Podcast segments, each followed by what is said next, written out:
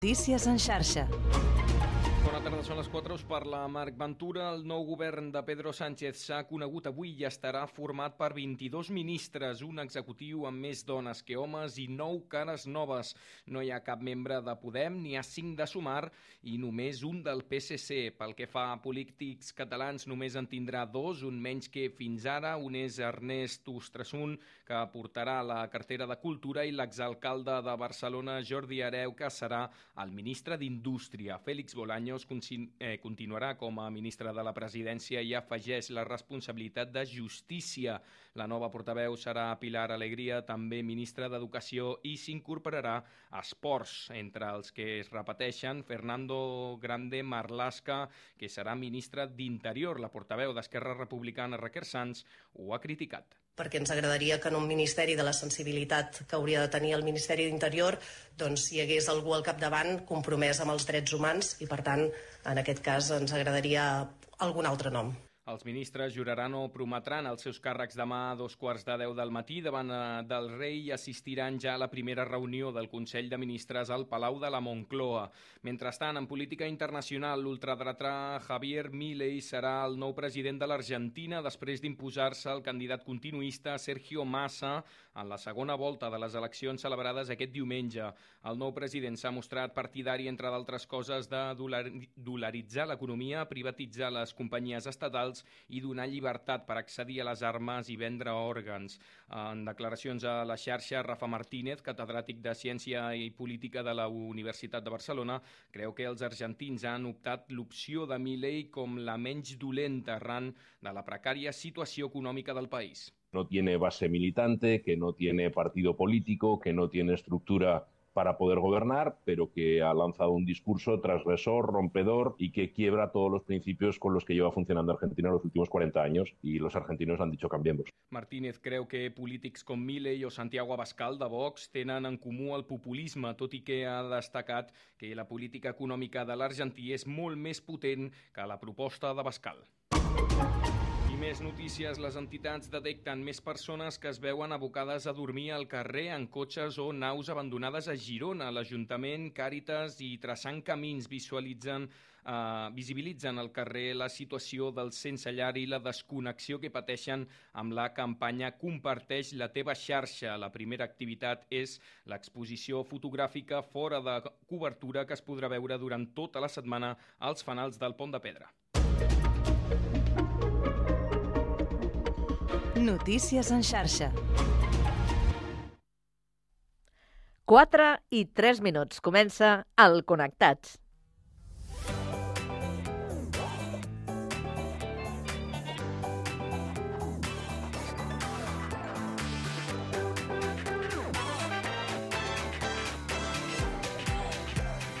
Connectats amb Carme Reversa.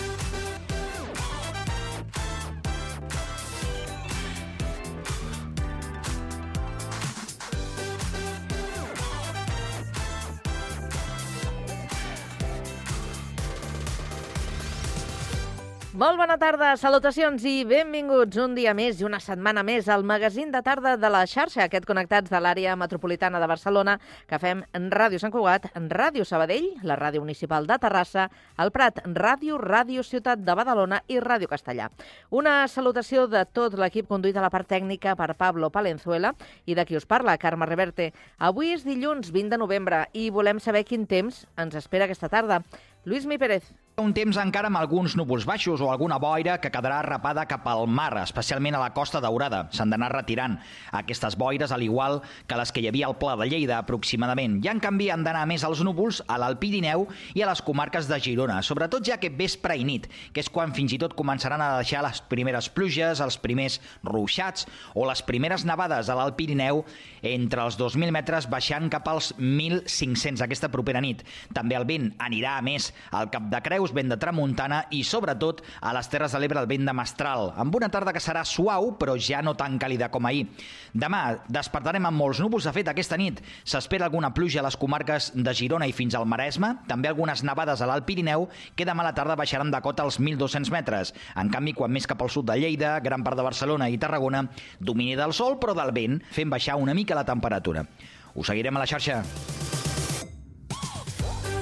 I avui al Connectats coneixerem el programa d'optimització de l'ús dels antimicrobians. En parlarem amb el doctor Jordi Nicolàs, cap de servei de farmàcia hospitalària de l'Hospital Universitari Mutu a Terrassa. Acabarem aquesta primera hora amb la tertúlia esportiva dels dilluns per analitzar tot el que ha passat aquest cap de setmana.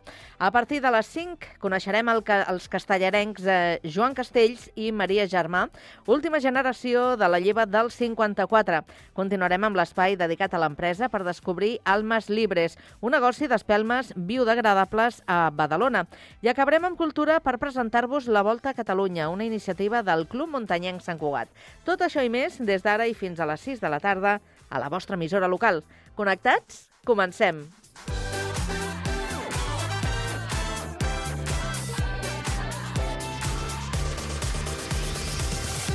A la tarda no et desconnectis. A la teva ràdio local, connectats. Can't touch this.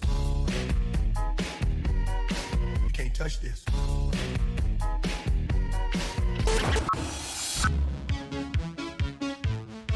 Can't touch this. Can't touch this. Connectats amb Carme Reverte.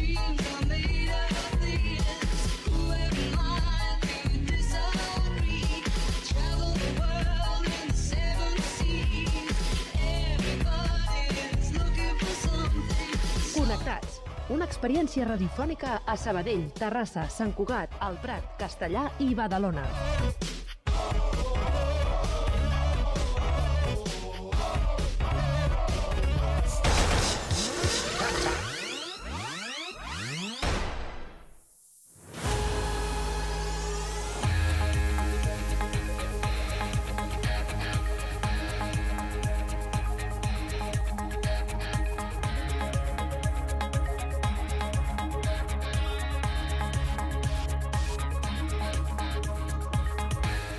A les 4 i 7 minuts ens actualitzem, ho fem amb la ronda informativa que avui també obrirem per Terrassa. Sergi Estapé, bona tarda. Bona tarda. Aquest passat diumenge els Minyons de Terrassa han celebrat la seva 45a diada i ho han fet carregant el 5 de 9 en forra que no han pogut descarregar, tot i que aquest era el seu gran objectiu. Els Malves s'havien plantejat portar a la plaça Vella el 3 de 10 en forra i manilles 25 anys després de fer-ho per primer cop, però després dels assajos de dijous i divendres aquesta opció va quedar descartada. Els anfitrions han descarregat en segona ronda el 4 de 9 i també han descarregat el 3 de 9 en folre a la tercera ronda. Pel que fa a les colles convidades, els castellers de Sants han fet la millor actuació des de l'aturada per la pandèmia, han descarregat un 4 de 9, un 7 de 8 i un 3 de 8. Finalment, els castellers de Sant Cugat han descarregat un 3 de 8, un 4 de 8 i un 2 de 7. Així, els Minyons tanquen la temporada abans de les vacances d'hivern sense castells de gamma extra. Aquesta serà l'última diada d'aquesta colla a la seu de la casa Jacint Bosch, ja que a la primavera esperen estar ja a la nova seu a Cal Reig. Gràcies, Sergi. I ara seguim aquest repàs des de Sabadell. Pau Duran, bona tarda. Bona tarda. Els veïns del carrer Alemanya que han reclamat la retirada de les pilones de formigó es mostren contents, però alhora escèptics després de l'anunci del govern municipal. L'Ajuntament retirarà de forma subsidiària les estructures que aguanten la façana de Cal Escardat. El projecte suposarà una inversió de gairebé 600.000 euros que després es girarà a la propietat de l'immoble. Els afectats, que des de fa més d'una dècada es queixen de l'existència de les pilones de formigó, confien que ara es posi fil a l'agulla definitivament. Abans no comencin les obres, però s'haurà de fer tot el tràmit administratiu, de manera que l'inici dels treballs s'endarrerirà encara uns mesos. Per això, des de la plataforma de veïns que ha reclamat la retirada de les pilones del carrer Alemanya, Sílvia Albinyana s'ha mostrat una mica escèptica. És un procés de molts anys de, de discutir i de parlar-ne eh, i, bueno, doncs ara pues, esperar. Contents, sí, però no estem satisfets fins que no estigui fora, evidentment. Sigui com sigui, gràcies a l'actuació que assumirà de forma subsidiària els consistoris sabadellenc, s'alliberarà espai públic i es donarà resposta a una llarga reivindicació veïnal. La Junta de Govern ha donat llum verd aquest dilluns a la licitació de les obres. Gràcies, Pau. És moment ara per a Badalona. Andrea Romera, bona tarda. Bona tarda, Carme. Polèmica durant la primera prova del procés selectiu dels nous agents de la Guàrdia Urbana, que es va haver de suspendre aquest diumenge en detectar irregularitats. El govern local les atribueix a un problema amb la impressora i és que diverses respostes de l'examen tipus test estaven ressaltades, coincidint algunes amb la resposta correcta. En detectar les irregularitats, el Tribunal del Procés va demanar la presència d'un notari de guàrdia per aixecar acte de l'incident.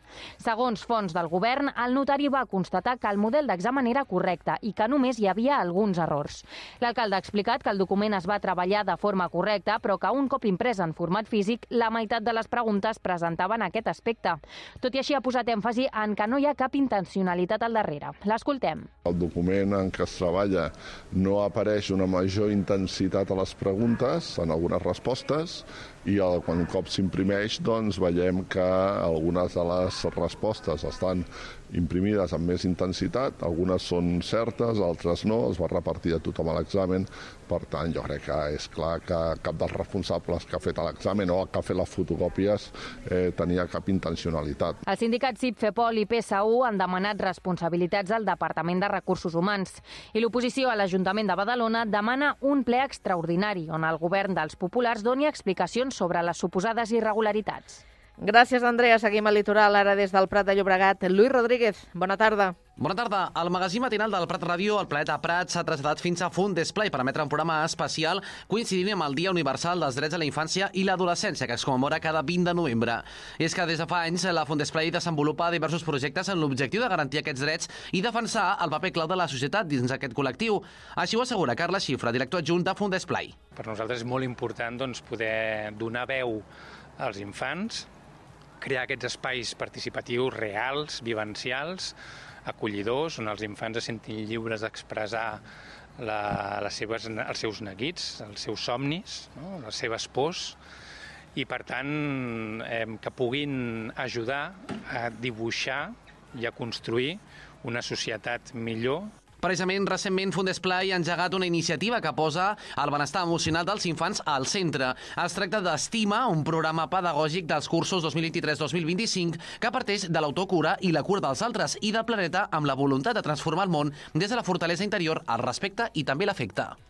Gràcies, Lluís. Tornem al Vallès, ara des de Castellà. Guillem Plans, bona tarda. Bona tarda. L'Institut Les Garberes de Castellà, especialitzat en formació de jardineria i agricultura, ha engegat una campanya de micromecenatge per fer actuacions que salvin les finques pageses. L'objectiu de l'Institut és mantenir viva aquesta activitat agrària a la comarca. El projecte arrenca a la masia Campadró, on el castellarenc Dani Sagrera fa de ramader i elaborar els formatges. Roca de Cor. Gràcies, Guillem. Tancarem amb la crònica de Sant Cugat avui per destacar que un total de 82 dones de la ciutat tenen ordres de protecció com a víctimes de violència masclista. Tot i així, el seguiment dels Mossos d'Esquadra al municipi supera el centenar. En concret, 125 dones estan sota el seguiment del cos de seguretat com a víctimes de violència masclista, una xacra que es denuncia cada vegada més, segons valoren des dels Mossos. Durant els primers nou mesos de l'any s'han registrat al municipi 60 denúncies per violència de gènere i 25 per violència domèstica. Manel Rodríguez és el cap de la comissaria de Mossos d'Esquadra de Sant Cugat. Més que entristir el fet de que hi hagi més, més eh, persones víctimes d'aquest fet i que les, i que les dades eh, no siguin eh, dades positives, eh, a nosaltres ens congratula el fet de que, de que les dones facin aquesta passa. No? I, si més no, eh, almenys la de venir a una comissaria o a qualsevol altra entitat eh, que dona suport a la dona i s'informi. Durant els primers nou mesos de l'any eh, s'han registrat a Sant Cugat 29 denúncies per agressions sexuals. És una més que el mateix període de l'any anterior. La xifra suposa unes 3 agressions sexuals al mes.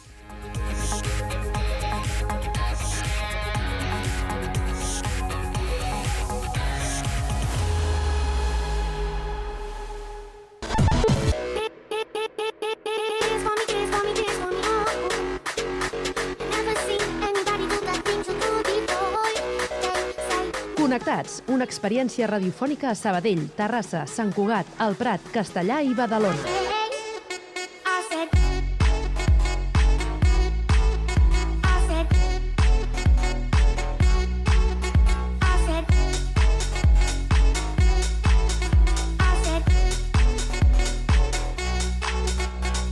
Connectats amb Carme Reverte.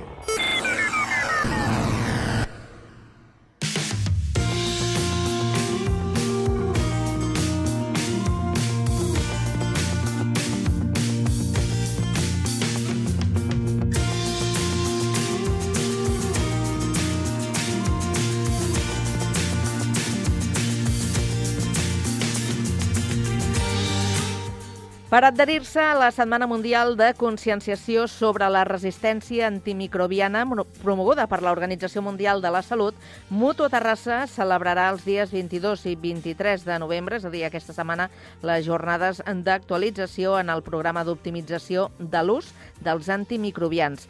Per parlar-ne, avui ens acompanya al Connectats el doctor Jordi Nicolàs, que és cap del Servei de Farmàcia Hospitalària d'aquest centre de Mutu Terrassa. Doctor, bona tarda.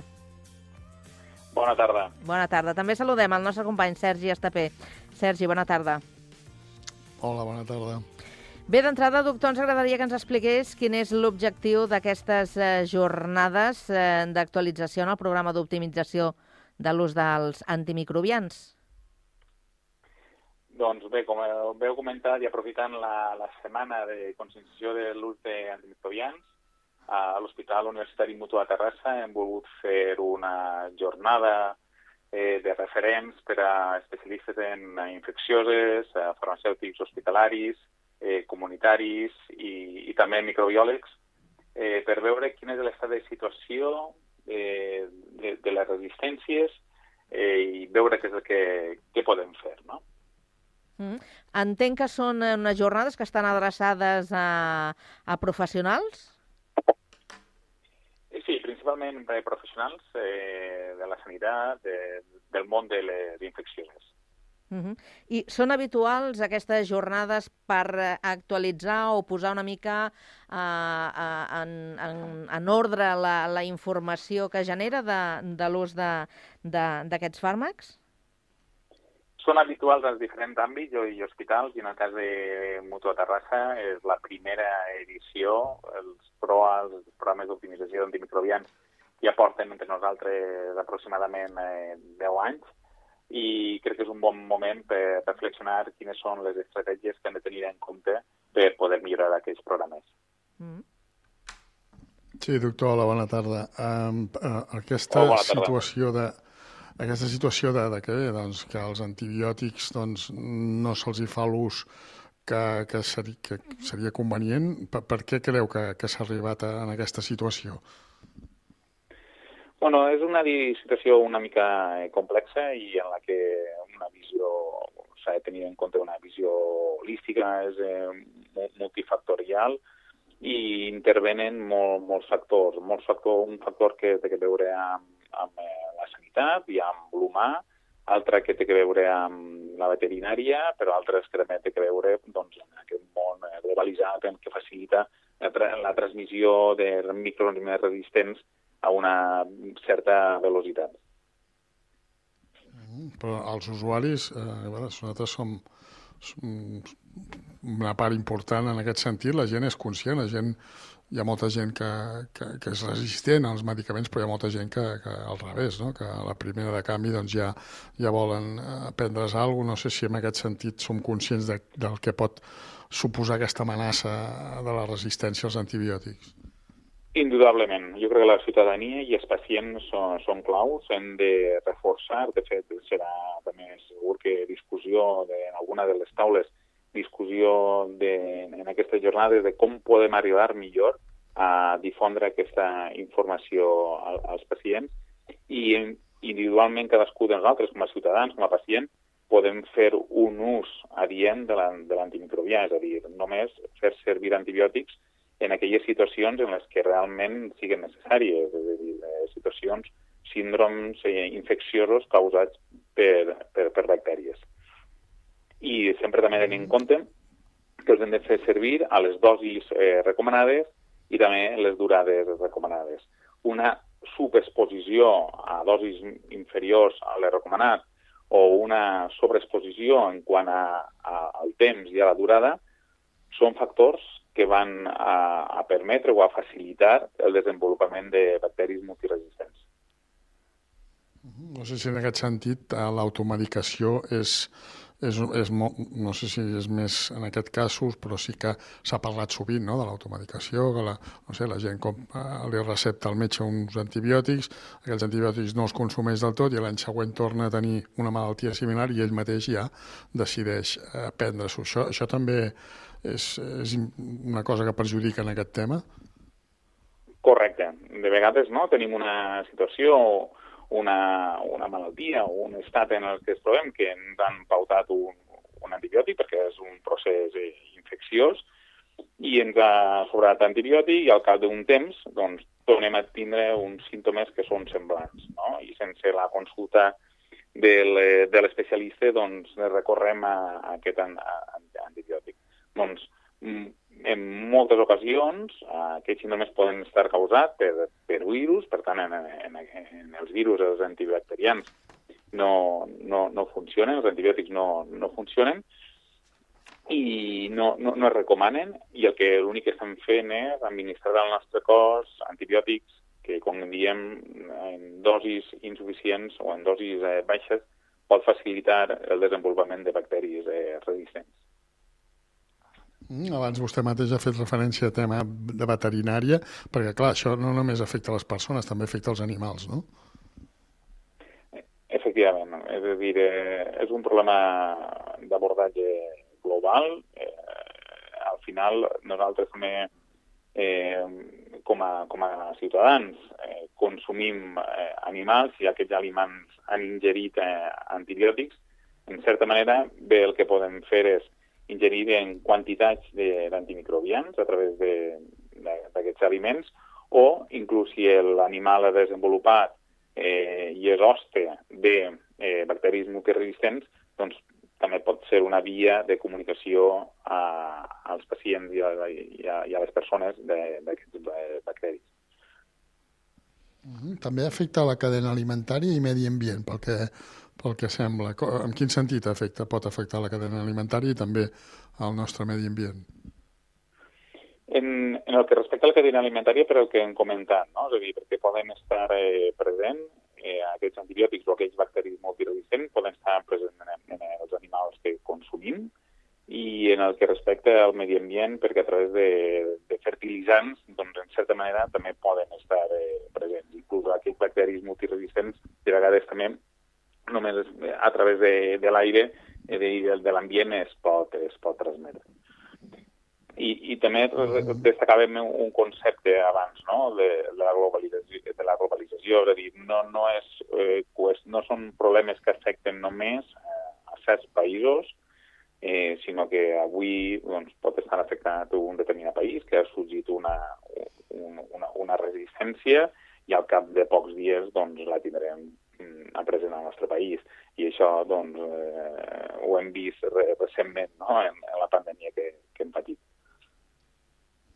La, la preocupació és, és la mortandat, ho dic perquè diuen que a Europa moren anualment unes 35.000 persones per aquest motiu. No sé si això va incrementar, no sé si tenen dates, dades en aquest sentit. Aquesta és la preocupació, que pugui augmentar la, la mortalitat entre les persones? Aquesta és una de les principals preocupacions, efectivament. Hi ha, hi ha informes eh, que diu que si no fem res, no fem ninguna estratègia per tal de combatre aquesta resistència, al 2050 el num, la, la mortalitat causada per microorganismes resistents podria ser superior a patologia, a la mortalitat causada per patologies com, com, com el càncer. Llavors, en un moment en què cada vegada tenim una medicina, jo crec que bastant avançada, en la que, en certa manera, cada vegada els procediments que es porten a terme són més complexes i són capaços d'abordar patologies més complexes, doncs és una llàstima que no, el resultat no siga satisfactori per culpa d'una complicació d'origen infecciós en la que no puga tenir tractament. No? Mm, jo volia preguntar, perquè jo ja tinc alguns anyets, i, i clar, jo me'n recordo quan era petit que el, que el típic eh, antibiòtic per, per la grip o per, era el Britapen, després van anar canviant, van aparèixer altres, els clamoxils, etc. Per, per, la grip, per la grip no s'han de donar antibiòtics. Grip s'haurien de antibiòtics. Bueno, no, no, no sé si era la grip, ja fa, fa molts anys. Pel que fos, eh, eh, hi havia el Britapen, després han aparegut altres com el clamoxil, que eren molt famosos. El, el medicament, podem dir que un, un antibiòtic té, té com una data de caducitat o el cos se'ns acaba acostumant i s'han d'anar renovant cada, cada cert temps per evitar precisament això? Bé, al final les bacteris el que fan és aquesta capacitat de sobreviure, no? de desenvolupar mecanismes de fer eh, resistència. Eh, podem assimilar-ho a, a la caducitat, no? però segurament el que sí que està perdent és efectivitat l'antibiòtic i per això és important també el promoure el desenvolupament de nous antibiòtics, nous mecanismes d'acció. En aquest sentit hi ha accés d'oferta o, o això no té res a veure? Disculpa, perdona? No, dic si, si també d'antibiòtics hi ha un accés, no? No sé si, si eh, potser, no sé si és la paraula, però potser això, l'accés de, de, de medicaments a l'abast de la gent és també una part del problema? Eh, la, més bé en, és una escassetat en el número de medicaments nous en el que respecta als antibiòtics que s'estan desenvolupant en els últims, en els darrers anys. De fet, ja n'hi ha eh, plataformes que el que fan és agrupar diferents startups per agrupar eh, coneixement i d'alguna manera accelerar eh, la, la, eh, el desenvolupament i posar en marxa i al mercat de, de nous antibiòtics. Doctor, parlava al principi que aquesta és la primera edició que, que es fa d'aquest eh, programa d'optimització, és així? Sí. Sí. Eh, eh, correcte. Eh, ho dic perquè eh, per l'objectiu que, que persegueix eh, aquest eh, programa i davant d'una situació de, de mm, diríem que emergència climàtica d'aquests canvis tan sobtats que, que estem vivint eh, últimament i relacionant-ho amb les eh, bactèries tan resistents, caldrà que aquests programes siguin més sovintejats, és a dir, que hi hagi un treball eh, constant per actualitzar. Ho dic perquè això també va molt ràpid, eh, el del canvi climàtic. Eh, de ben segur. Aquest és el primer, la primera edició, però la intenció, i segur que aquest problema està present en els propers anys eh, al voltant eh, de nosaltres, i no només ho diem nosaltres, sinó també és un, ho diu l'OMS, és un dels eh, principals problemes que, que es volen abordar, doncs eh, haurem de fer eh, més edicions i també esperem comptar en referents eh, nacionals com tindrem la sort de comptar aquells dies eh, en aquesta primera edició. Perquè segurament aqu aquest tema que, que ara li comentava ha greujat eh, la, la situació, no? És una de les eh, vies que s'està també revisant i estudiant si quin és l'efecte del canvi climàtic en, en, en, les, en, en les infeccions, no? Mm. Si d'alguna manera, doncs, com, com sí, sí que sembla que n'hi ha certs tipus de, de virus, certes infeccions, que estan més relacionades en zones eh, càlides i el fet de l'augment de temperatura global de, del planeta fa que infeccions que no eren habituals a la nostra zona, doncs ara donen en més eh, freqüència. Doncs eh, esperem De la que... mateixa manera també hi ha un aspecte eh, que, que també s'abordarà, que és el de, el de la sostenibilitat, no? És a dir, eh, de quina manera poden contribuir mm. a eh, disminuir la presència d'antimicrobians a, a, a la natura i al medi ambient. Mm -hmm. Doncs segur que serà molt interessant el que puguin eh, debatre i contrastar en, aquesta, en aquest programa d'optimització de l'ús dels antimicrobians. Avui hem fet una pinzellada per al públic, eh, per al ciutadà de, de peu, amb el doctor Jordi Nicolàs, cap del Servei de Farmàcia Hospitalària de l'Hospital Universitari Mutu Terrassa. Gràcies per haver passat pel Connectats i que vagi molt bé. Bona tarda. Bona tarda, moltes gràcies. Gràcies. Sergi, bona tarda. Molt bona tarda.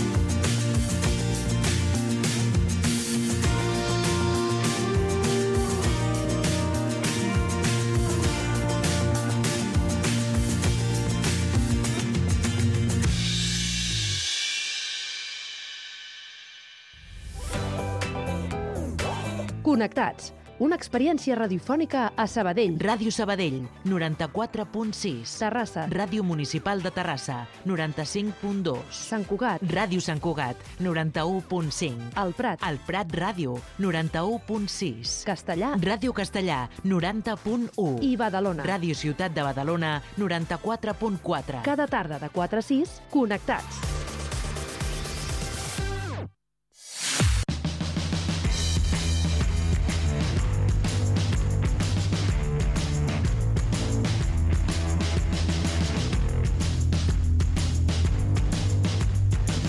Gairebé un minut i mig passa ja de dos quarts de cinc de la tarda i com cada dilluns a aquesta hora la tertúlia la dediquem al món de l'esport. Avui ho compartirem aquesta estona de ràdio amb el Miquel Blázquez, eh, periodista, el tenim via telefònica. Miquel, bona tarda. Bona tarda, Carme, què tal, com estem? Molt bé, tu també? Sí, sí, sí, una mica sorprès per les notícies de, de Gavi, impactat encara en sols, però, però bé. Et sentim amb alguna dificultat. No crec que sigui qüestió de, de cobertura, potser... Portes a... Estàs amb l'altaveu? Uh, no, amb auriculars. Amb auriculars. Val, és que et sentim una mica lluny, com si estiguessis eh, una mica allunyat. Però vaja, a veure si, si ho podem resoldre. Deixa'm que, mentrestant, vagi saludant a la resta de- d'integrants de, de la tertúlia. Raül Chao, periodista, què tal? Bona tarda. Bona tarda, Carme.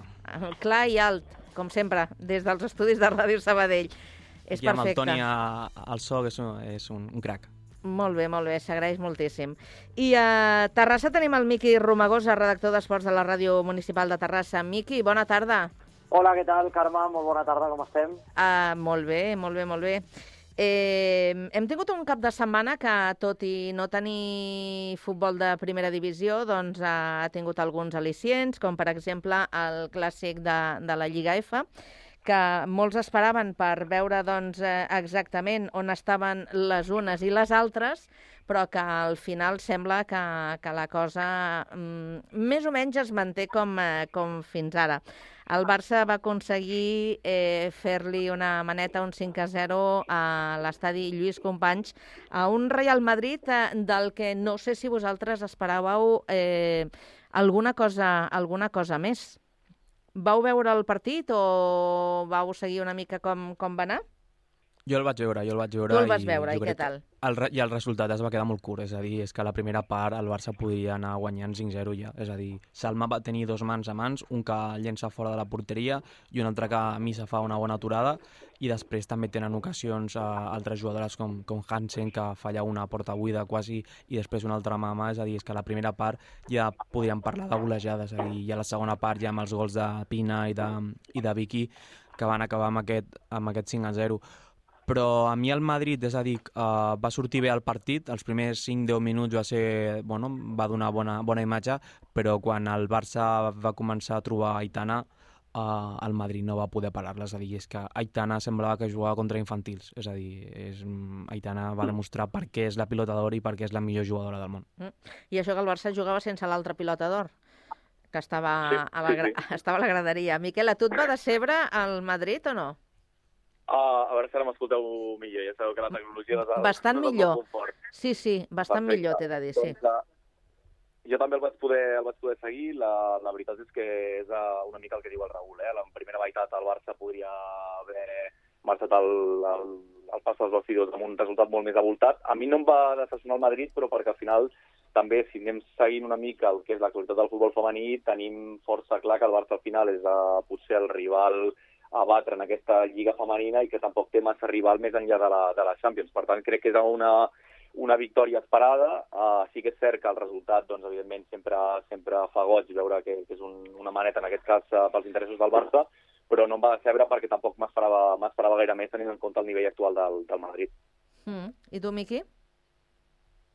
Doncs jo crec que ahir, ahir el futbol de veritat, la confiança en el futbol de veritat va guanyar el, el, a un nou vingut. I tothom dirà, oh, un nou vingut al Madrid. Sí, sí, és que el Barça ha passat per totes les fases, ha baixat de categoria, ha pujat, ha estat lluitant pel descens, ha estat lluitant per, per salvar la categoria, per guanyar títols, i la confiança guanya per sobre de, de tot. El Madrid doncs, ha arribat l'últim de la llista, quan això del futbol femení ja estava eh, més de moda que abans, i, i jo crec que la victòria és justa i posa en valor els projectes de veritat, no els projectes mercantils. Mm -hmm. eh, per tant, un clàssic que, tot i que es va anunciar bombo i plateret, tampoc no va tenir massa color, o en tot cas va tenir els colors de, de, del Barça. Eh, penseu que encara falten algunes temporades perquè aquest projecte del Real Madrid realment pugui competir al nivell eh, que, que té el Barça? Sí, jo, jo, jo personalment falta... uh, penso que, que, que, que fa falta, però més enllà de potser el temps, també fa falta, com deia ara el Miqui, que el Real Madrid s'ho cregui de debò, el projecte del, del futbol femení, perquè el Barça, mm. el Barça cal recordar que no només té un primer equip, sinó que també té una masia que fa poc ha estrenat una masia per, per noies perquè també s'hi puguin formar futbolistes. És una aposta, com, com deia el Miqui, que no només va més enllà de, del primer equip, sinó que més uh, s'hi ha cregut des del primer dia i que crec que per això està tenint els resultats que està tenint. Uh, que el Madrid uh, s'acabarà posant les piles, doncs uh, jo intueixo que també és una qüestió de temps, però mm, és evident que també ho ha de ser de, de, de creure-s'ho, d'apostar i de, també doncs, de, de destinar uh, diners a, a, la, a la, en aquest cas al planter perquè pugui créixer també el futbol femení a Espanya. Està clar que si Madrid acaba eh, fent passos endavant, és, és evident que el futbol eh, femení creixerà a Espanya, però és, eh, com deia, vital per mi que s'ho creguin de debò i no només eh, sigui una qüestió de, de cartera, sinó també una mica més de, de planter. Raül. És que si tu com mires la plantilla del Barça, eh, traient a Patrick Harry i Mapi León per les circumstàncies que van ser, és a dir, la plantilla del Barça són totes campiones del món. Uh, I les que no són Hansen, que és un extrem increïble, uh, i això, pues, eh, això es fa des de baix. És a dir, les jugadores d'Aitana, Patri, uh, Catacoll, són jugadores que han anat creixent a mesura que el Barça ha anat creixent i això només t'ho dona implicació i, i també diners, és a dir, si el Madrid comença a fitxar però no té una base uh, és molt difícil, és molt difícil construir i sobretot tenir aquesta um, química i sinergia, no? És a dir, perquè tu veies ahir el partit i semblava que que ja sortien... Mm, bueno, quan va, marcar el, quan va marcar el primer Aitana ja semblava que, que, que perdien, és a dir, que s'emportarien una, una bona una bona golejada i bé, bé, bé, miraves la cara de, de Missa i deia, ostres, és que semblava com faltava d'implicació, no? I jo crec que aquesta implicació faltada des de, des de la directiva, a posar diners, a tenir un projecte, que aquesta és la paraula, tenir un projecte que et doni una viabilitat i, i doni un poder competir, perquè a, a la Champions van empatar contra el Chelsea de la manera que van empatar, és a dir... Mm, porta cua el tema, sí. Exacte. Aleshores, és que ara mateix jo crec que a la Lliga F el Barça juga 5 o 6 categories per sobre de, de la resta. Mm -hmm. 6 punts, eh? Li porta el segon i, uh, i el tercer, és a dir, el Madrid i el Llevant eh, respectivament. Eh, no hi ha color tampoc en aquesta lliga, Miqui, el Barça acabarà enduent-se el títol? Sí, sí, jo crec que és el més, és el més just. I a més, el, el, el que jo comentava abans, eh, crec que doncs, aquí que en aquest programa no, que, que estem representats per, per ciutats que han apostat molt pel, pel futbol femení, com és el cas de, de, de Sabadell, de, de Badalona, de Sant Cugat, de, de, de Terrassa, no? que, que han apostat molt per les canteres. Mm.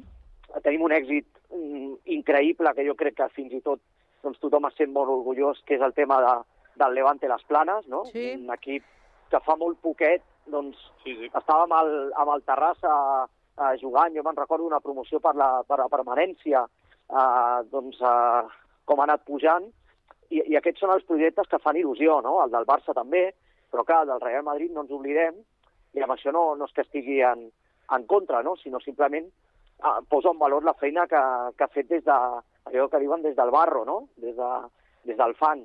Eh, molts equips que han hagut de, de passar per moltes situacions, eh, per exemple el cas de l'Espanyol, no? que moltes vegades ha hagut de desaparèixer i tornar, mm. eh, doncs clar, mm, a mi doncs, eh, els projectes de veritat, eh, la veritat és que m'agraden molt. El Madrid no deixa de ser doncs, el tacón, eh, després hi ha un altre Madrid, eh, llavors, clar, mm, per això sóc en aquest cas eh, crític, no? A mi m'agraden els projectes que comencen des de, des de baix i no, Genuïns. i no comprant categories, correcte, sí. Sí, sí. Doncs mira, justament ara acabes d'assenyalar el, el Llevant les Planes, que és eh, eh, l'altre aquí que volia destacar perquè la veritat és que està fent una, una excel·lent eh, temporada i no, ara no recordo quantes eh, jornades portaven eh, sense perdre i aquesta ha estat quan ha arribat la derrota a mans de, del Betis, i, però per la mínima, eh? 1-0, vull dir que qui sap si la cosa hauria pogut ser eh, diferent.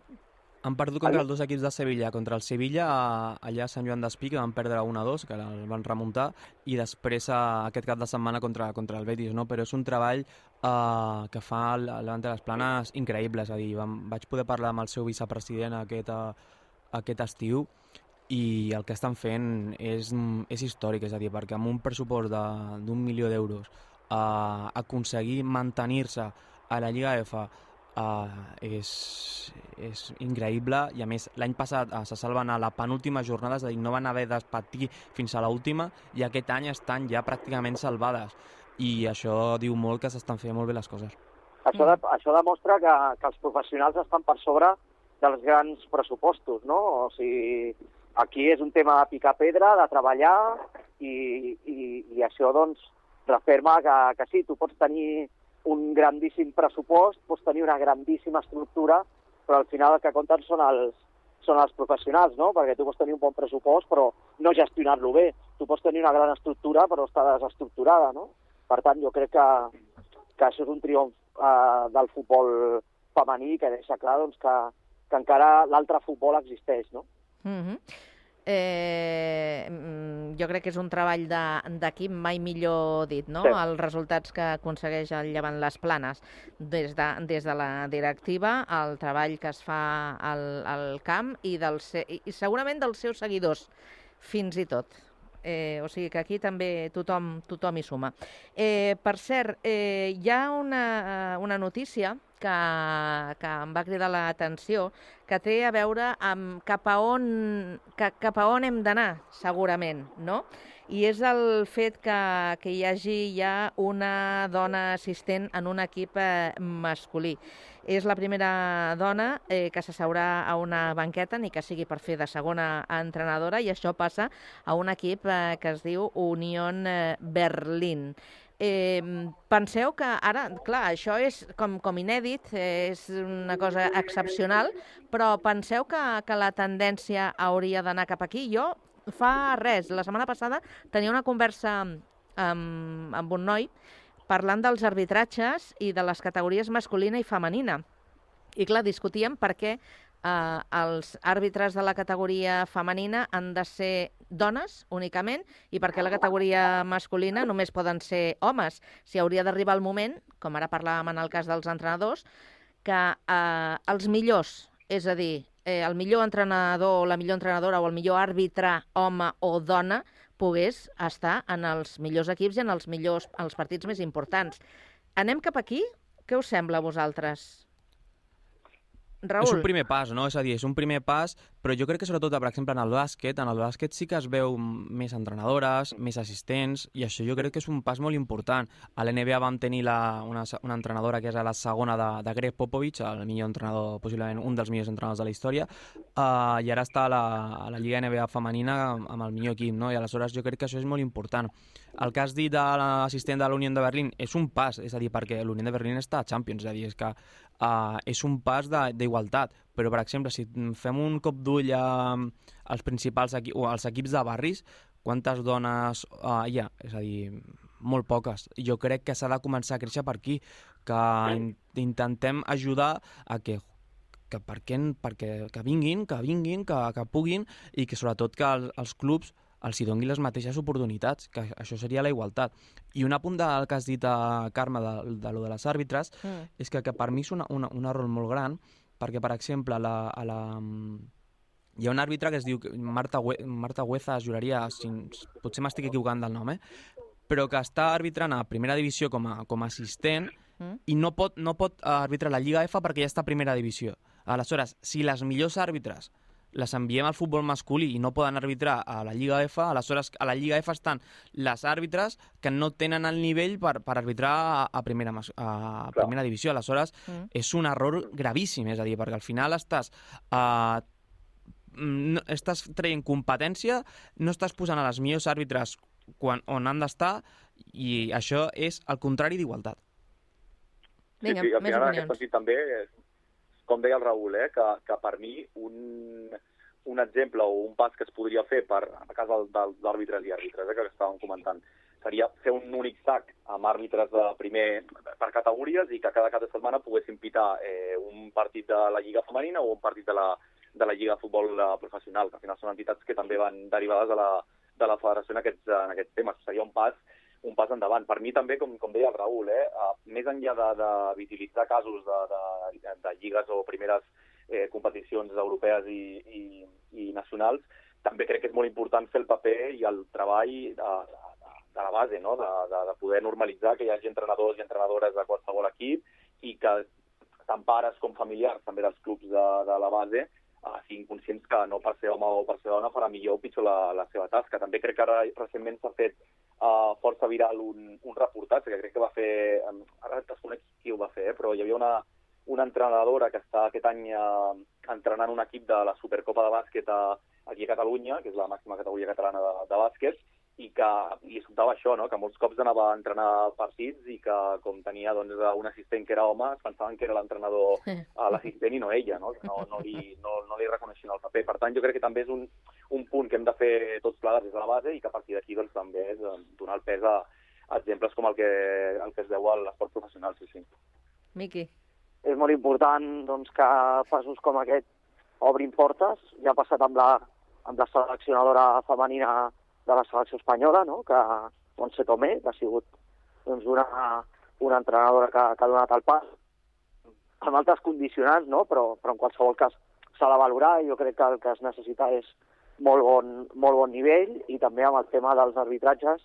Jo sempre he pensat que, que estaria força bé eh, doncs que la Lliga Espanyola masculina eh, fossin àrbitres dones i en la categoria femenina àrbitres homes. Eh, I que es poguessin anar, com comentàveu abans, eh, doncs a una setmana a una categoria i una setmana a l'altra. Jo crec que això faria que el tema dels coneixements entre, entre tots els àrbitres doncs, aniria, aniria força bé i també doncs, aniria bé perquè no es faria distincions, no? Sembla que a vegades, quan un àrbitre masculí xiula a primera divisió, doncs sembla que sigui el millor àrbitre del món. Per què un millor àrbitre del món, eh, home o dona, no pot eh, pitar o no pot, no pot dirigir doncs, a qualsevol partit? Per què una dona no pot dirigir una final de Champions, per exemple? Si són els millors, no? O sigui, per sobre de que sigui home o dona, aquí el que estem valorant és la professionalitat i es necessiten bons professionals i, es necessita nivell. Per tant, jo crec que aquest seria un primer pas per anar normalitzant i, i el que es necessita és bons entrenadors, bons formadors i, i bons àrbitres, ja siguin masculins o femenins. Mm.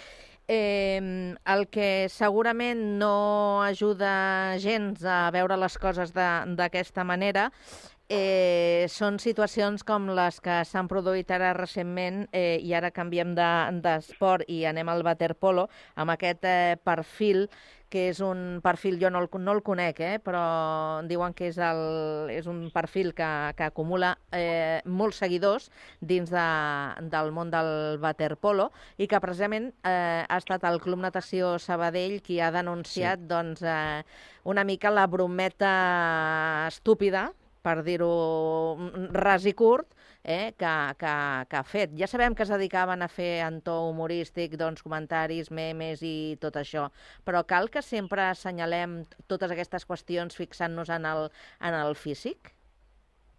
Raül? Eh, pri primer, el, el compte aquest jo tampoc el coneixia, és a dir, té més de 40.000 seguidors a Instagram perquè la gent es faci una, una idea i eh, el Club Natació Sabadell quan va veure la, la publicació va, va sentir, bueno, és a dir, va, va condemnar aquest, aquest comentari masclista i, i vergonyós i a més a més quan, per exemple, TV3 el dimarts va fer un, un reportatge sobre, sobre tot això, no?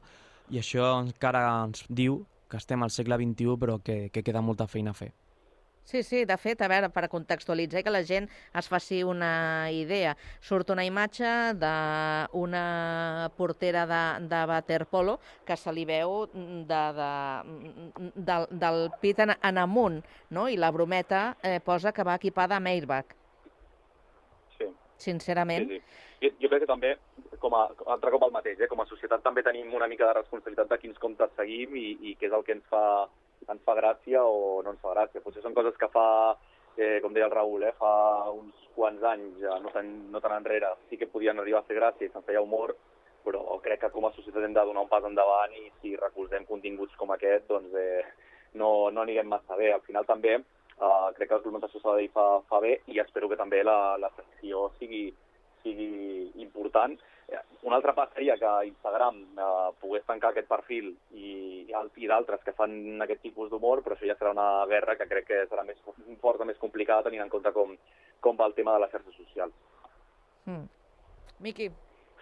Uh, coses com aquestes són força fastigoses, no?, perquè doncs, uh, m'agradaria saber la persona també que fa aquests perfils, no?, si també doncs, uh, li faria gaire gràcia que poguessin fer bromes amb, amb el seu físic, no?, i quina casualitat també que ho fan amb, amb jugadores de, de, de waterpolo, no? Uh, és que és un tema que, que s'ha parlat moltes vegades. Uh, penseu que abans de la pandèmia, crec que, si no m'equivoco, un diari molt conegut esportiu uh, posava la seva contraportada doncs, uh, una noia lleugera de roba i el seu director deia que, que era per normalitzar el cos de la dona.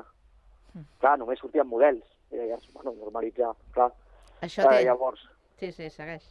eh, i eh, o sigui, no sé si, si sabeu a quin diari em refereixo i, i, i, i, que, i que provocava molts comentaris, no?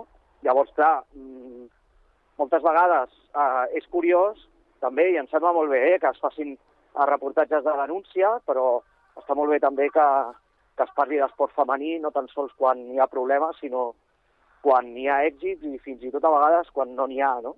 I sembla que només la polèmica ven per parlar del, de l'esport femení, no? És una mica aquesta la meva sensació i després espero que, que aquests comptes de, de Twitter, doncs, eh, a part de, de reflexar una realitat, que encara ens queda molt per, per evolucionar, eh, doncs també doncs, puguin servir perquè eh, el problema no és tan sols aquest compte, sinó també són els 40.000 seguidors que la segueixen. Aquest és el problema. Ja, però és que a, estem en un moment tan sensible amb totes aquestes històries que és que mm, és de tenir poca poca cura, poca sensibilitat, sí, no? Poca airbag. Poca, no, cap, sí, poca... Sí, clar. Però això, això com s'acabaria, Carme? Com s'acabaria? Doncs agafes aquest perfil d'Instagram i obligues com a xarxa social a que la persona que creï el compte no pugui ser anònim, és a dir, que tingui nom, cognoms i, i que faci la I DNI. promesa llavors. Ha cap, no hi ha cap problema, però llavors que ho faci amb el seu DNI, amb el seu document nacional i, i amb el seu nom públic i, i a partir d'aquí eh, segurament molts d'aquests comentaris s'anirien erradicant perquè al cap i a la fi tot això eh, sempre s'amaga darrere un compte anònim que, que difícilment eh, es podrà, se li podrà accedir a, a aconseguir aquesta informació. És que és un humor tan fàcil que, vaja, eh, obviarem comentaris. Eh, abans d'acabar, molt ràpidament, um, ho he deixat pel final perquè és un tema que ja hem abordat en altres ocasions i, i, i me'n vaig al tema de, de la selecció espanyola i a la greu conseqüència que ha tingut per un dels jugadors del Barça, aquesta lesió de Gavi que el tindrà doncs eh, ja ha apartat de la competició el que resta de, de temporada. O sigui, una, un jugador que es perdrà l'Eurocopa, que es perdrà els compromisos amb el Barça, que segurament es perdrà Jocs Olímpics, eh, i que en realitat tot això té a veure amb, eh, segurament, eh, segurament, eh, sigui o no fortuïta la, la lesió que, que es va fer, que tingui a veure amb el, la, la quantitat de partits que, que els eh, jugadors eh, porten, porten a les cames. Si la, si, la, si la FIFA i la, i la UEFA volen, volen diners, tenen les conseqüències que són que tenen els millors jugadors lesionats. És a dir, en aquest aturada de seleccions, Gavi es perd tota la temporada, Vinícius no, no juga fins al, fins al febrer, mm. Camavinga fins al febrer tampoc juga, Haaland a pot perdre's el partit contra el Liverpool, que pot ajudar o perjudicar a guanyar una Premier. Això és el que vol la, la FIFA i la UEFA, que els millors jugadors no, no puguin ajudar. Doncs si volen això, doncs, eh, que continuïn fent la feina aquesta perquè al final hauran de jugar equips ju juvenils perquè amb tants partits no és inviable. Jo, jo aprofitaré per posar el, el focus en un altre aspecte, que aquests últims anys està canviant, està canviant força i crec que no, potser no li donem prou importància. Crec que Xavi ho deia a la pretemporada d'aquest any que es va jugar als Estats Units, que, clar, els jugadors sentien pressió per guanyar des del primer amistós de la pretemporada, que és que van jugar contra el contra l'Arsenal, que també ja anava força més rodat. Jo crec que també aquí hem de fer una reflexió perquè al final el Barça o equips com el Real Madrid o fins i tot el, la Real Societat estan fent pretemporades als Estats Units on l'únic que interessa realment, més enllà de preparar el jugador físicament, és explotar els drets comercials al màxim, treure el mm. màxim benefici. Sense anar més lluny, el Barça jugarà un partit de Lliga el dia 20 de desembre i el dia 21 estarà jugant a Dallas un amistós Deixarem, contra un equip mexicà. deixarem, el debat, eh, Per tant- deixarem el debat obert, ja no ens queda més temps, i torno a apuntar el, el, el, el mateix. Els jugadors tenen veu, l'haurien de fer servir. Ho deixem aquí. Eh, Miquel, Raül, Miqui, que vagi molt bé la setmana. Molt bona setmana, que vagi bé. Gràcies i bona setmana a tots. Adéu.